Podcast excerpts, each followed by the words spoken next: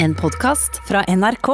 Koronakrisa gjør at eh, Norge digitaliseres i rekordraskt tempo. Det mener flere teknologieksperter, og vi kjenner oss nok ganske godt igjen også. Restriksjoner rundt det å møtes da i større forsamlinger gjør at eh, både kulturelle og jobbrelaterte møter flyttes til nye digitale plattformer. Alt fra konserter på sosiale medier til møter fra det berømte hjemmekontoret.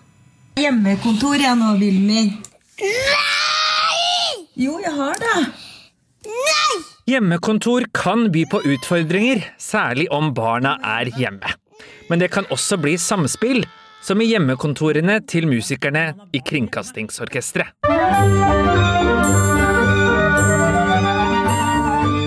Digitaliseringen av Norge var allerede godt i gang før koronaviruset nådde oss, men den siste uken har den skutt enorm fart, sier teknologijournalist i NRK Beta, Eirik Solheim. Det er et mye høyere tempo, eh, og det er nok en del mennesker som har vegret seg, og som har tidligere kunnet velge vekk en del av disse verktøyene, som nå blir tvunget til å prøve. Sånn at eh, nå får vi med oss eh, enda flere. Norge har fått digitale yogatimer, legekontorer og litteratursamlinger.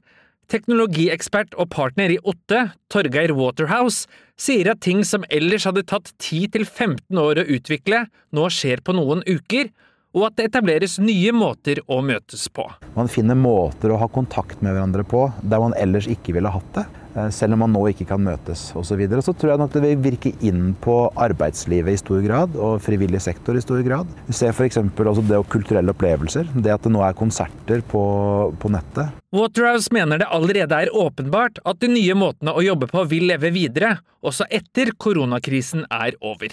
Dette handler ikke om istedenfor at du og jeg sitter her nå, f.eks., eller istedenfor å gå på en konsert. Men det handler om at man kan få til mye man i tillegg, og man ellers ikke ville fått det før. Investor og styreleder for flere teknologiselskaper, Torleif Torleifsson, måtte nylig avlyse en tredagers jobbreise til Barcelona og holde møtene hjemme. Han mener man nå har fått ny forståelse for hvordan man kan møtes digitalt.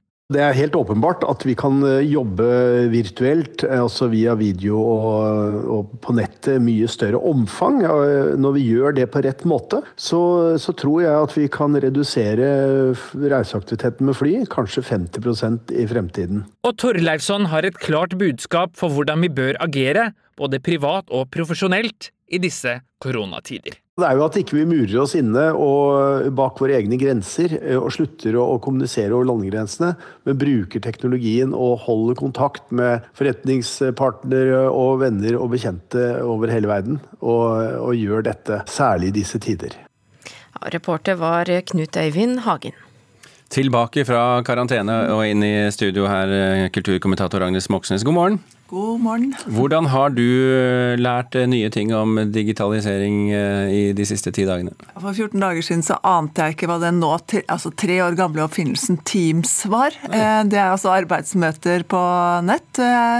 Det fungerer veldig bra, og jeg kommer helt sikkert til å vedvare i all evighet fremover. Mm. Som vi hørte her, så sa Torleif Torleifsson at det er viktig at vi holder kontakten med andre blir vi asosiale, eller blir vi ikke asosiale av det vi gjennomgår nå? Ja, altså jeg trodde jo at vi ble ekstremt asosiale. for Det er jo bilde av liksom personer som sitter på, på, bussen og kikker ned i mobilen sin, og du har ikke kontakt med omverdenen og sånt noe. Men det er jo rett og slett det omvendte som har, har skjedd nå. Eh, mobilen og, og PC-en har på en måte blitt vinduet ut til verden, men også vinduet tilbake til verden. Altså Det festes, det snakkes, det feires. Eh, den sosiale aktiviteten har eksplodert. Eh, og Ingeborg Moreus Hansen etterlyste jo humor, og jeg ser jo at også koronahumoren nå eh, vokser og, og, blir en del av, av denne aktiviteten. Og så er jo Kunst- og kulturbransjen har jo i hvert fall tradisjonelt sett vært slik at den er veldig avhengig av oppmøte. Mm. At folk kommer dit hvor ting skjer, bortsett fra selvfølgelig å se på film hjemme da, eh, og se på TV og sånn. Eh, kunst- og kulturbransjen, nye kreative eh, tiltak over hele verden. Hva er det vi ser? En, en, absolutt en eksplosjon over hele verden. Eh, og det er jo noe med at altså Ordet kreativitet det betyr å være opp, oppfinnsom og skapende. Så kunstnere er jo Det er jo det de er. Ja, det er det de er. Så de er jo i sitt rette element nå. De holder konserter, de skriver dikt på oppfordring. Eh, og så er kunstnere ofte også aktivister. Eh, og det er jo mye og mangt nå av det menneskelige som skal løftes opp og tas på og, og vurderes og, og, diskuteres. Og det trente punktet, som er veldig viktig, selvfølgelig, det er jo at altså, i Norge så er, har vi omtrent 25 000 kunst, eh, kunstnere. 80% av dem er eh, frilansere som har mistet jobbene sine nå. Nå får de jo dagpenger her i Norge, er jo såpass heldige at de gjør det.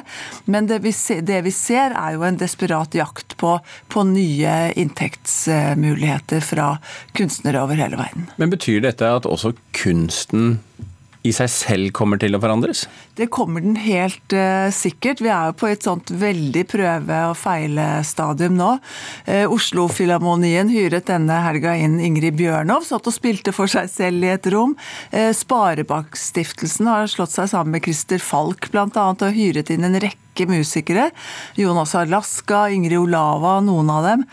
Eh, og, og, det vi ser og, hold, og holder konserter på nettet, ikke sant? Jeg holder konserter på nettet eh, nesten altså hele tiden. Bare gå inn og Den heter eh, koronerulling, altså en mm. måte å få inn penger til kunstnere på. Eh, det er jo egentlig en veldig rar form, og vi ser jo at det, den er under utvikling. Eh, og fordi så langt så er det jo litt rart å se kunstnere eller musikere sitte alene i et digert rom, nydelig lys, flott lyd veldig profesjonelt laget. Men det er jo noe som mangler der, nemlig denne kontakten mellom artisten og, og menneskene eller publikum. Da. Så eh, publikum og artister eh, drømmer nok om å komme seg fort tilbake i samlingen. Men tror du like fullt at det er noe av det vi ser nå som kommer til å bli med oss videre eh, etter at denne krisen er over? Ja, det, det, er jo helt opplagt. Men det er jo, noen, det er jo mye som er urovekkende her også. Altså Når det gjelder de gamle møtestedene. Eh, et eksempel er kinoen. Eh, nå, altså de store blockbusterne som skulle redde kino, eh, kinoen både i Norge og i resten av, av, verden denne våren og sommeren, de får jo ikke hatt premiere. Kinoene er eh, stengt, og det kommer de sikkert til å forbli en stund eh, fremover.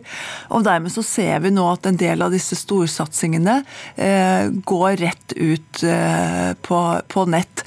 Og for en, en kinobransje som, hvor det har vært urolige tider frem til nå, så er det klart at der er det store, store utfordringer i vente. Agnes Moxnes, takk for uh, orienteringen. Vi driver jo hele tiden og snakker om uh, Vask, vask, vask, vask til henda. Vask, vask, og vask hendene og vask overalt. Det, er, uh, det, det, det, sprer seg dette, og godt er det, for vi skal vaske hendene våre stadig vekk. God håndhygiene er imidlertid et ganske nytt fenomen hvis vi ser historisk på det. Ja, Men vi skal altså tilbake 173 år eh, til en fødselslege i Wien. Ja, professoren har selvfølgelig rett. Hva er dette for noe? da? Slipp meg! Unnskyld meg, doktor Semmelweis. Vaktmester! Jens Bjørneboe skrev i 1968 sitt teaterstykke om den medisinske opprøreren Ignaz Semmelweis. Mannen som endte med å bli latterliggjort, som ble sparket fra jobben, og som døde på sinnssykeasyl, men som med en revolusjonerende oppfinnelse reddet livet til fødende kvinner på sin klinikk i Wien.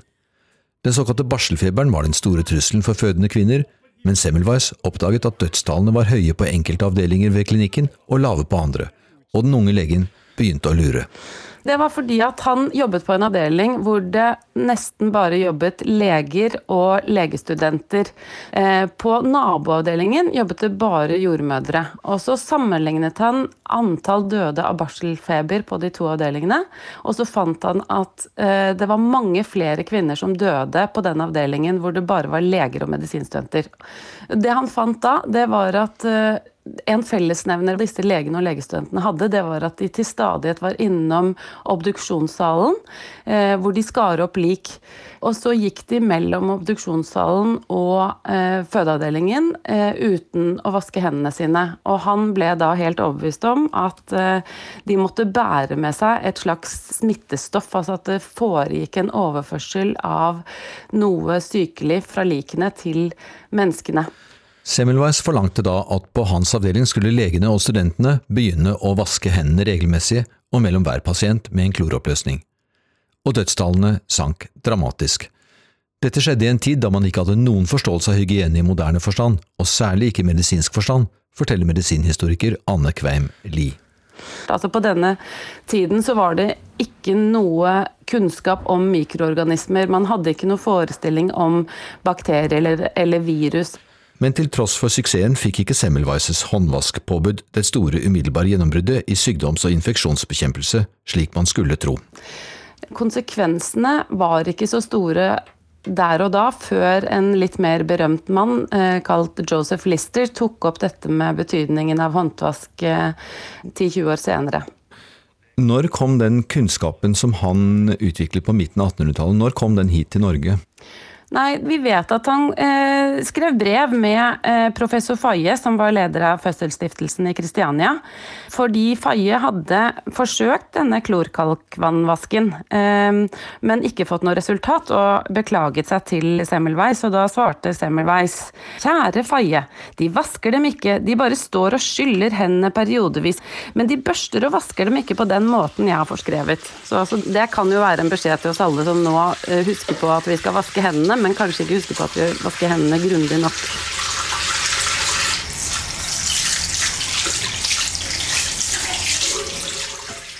Fin lydmessig påminnelse mm. der. Det var førsteamanuensis i medisinsk historie ved Universitetet i Oslo, Anne Kveim Lie, som fortalte historien om medisinske håndvasksfødsel. Reporter, det var Halvdan Bleken.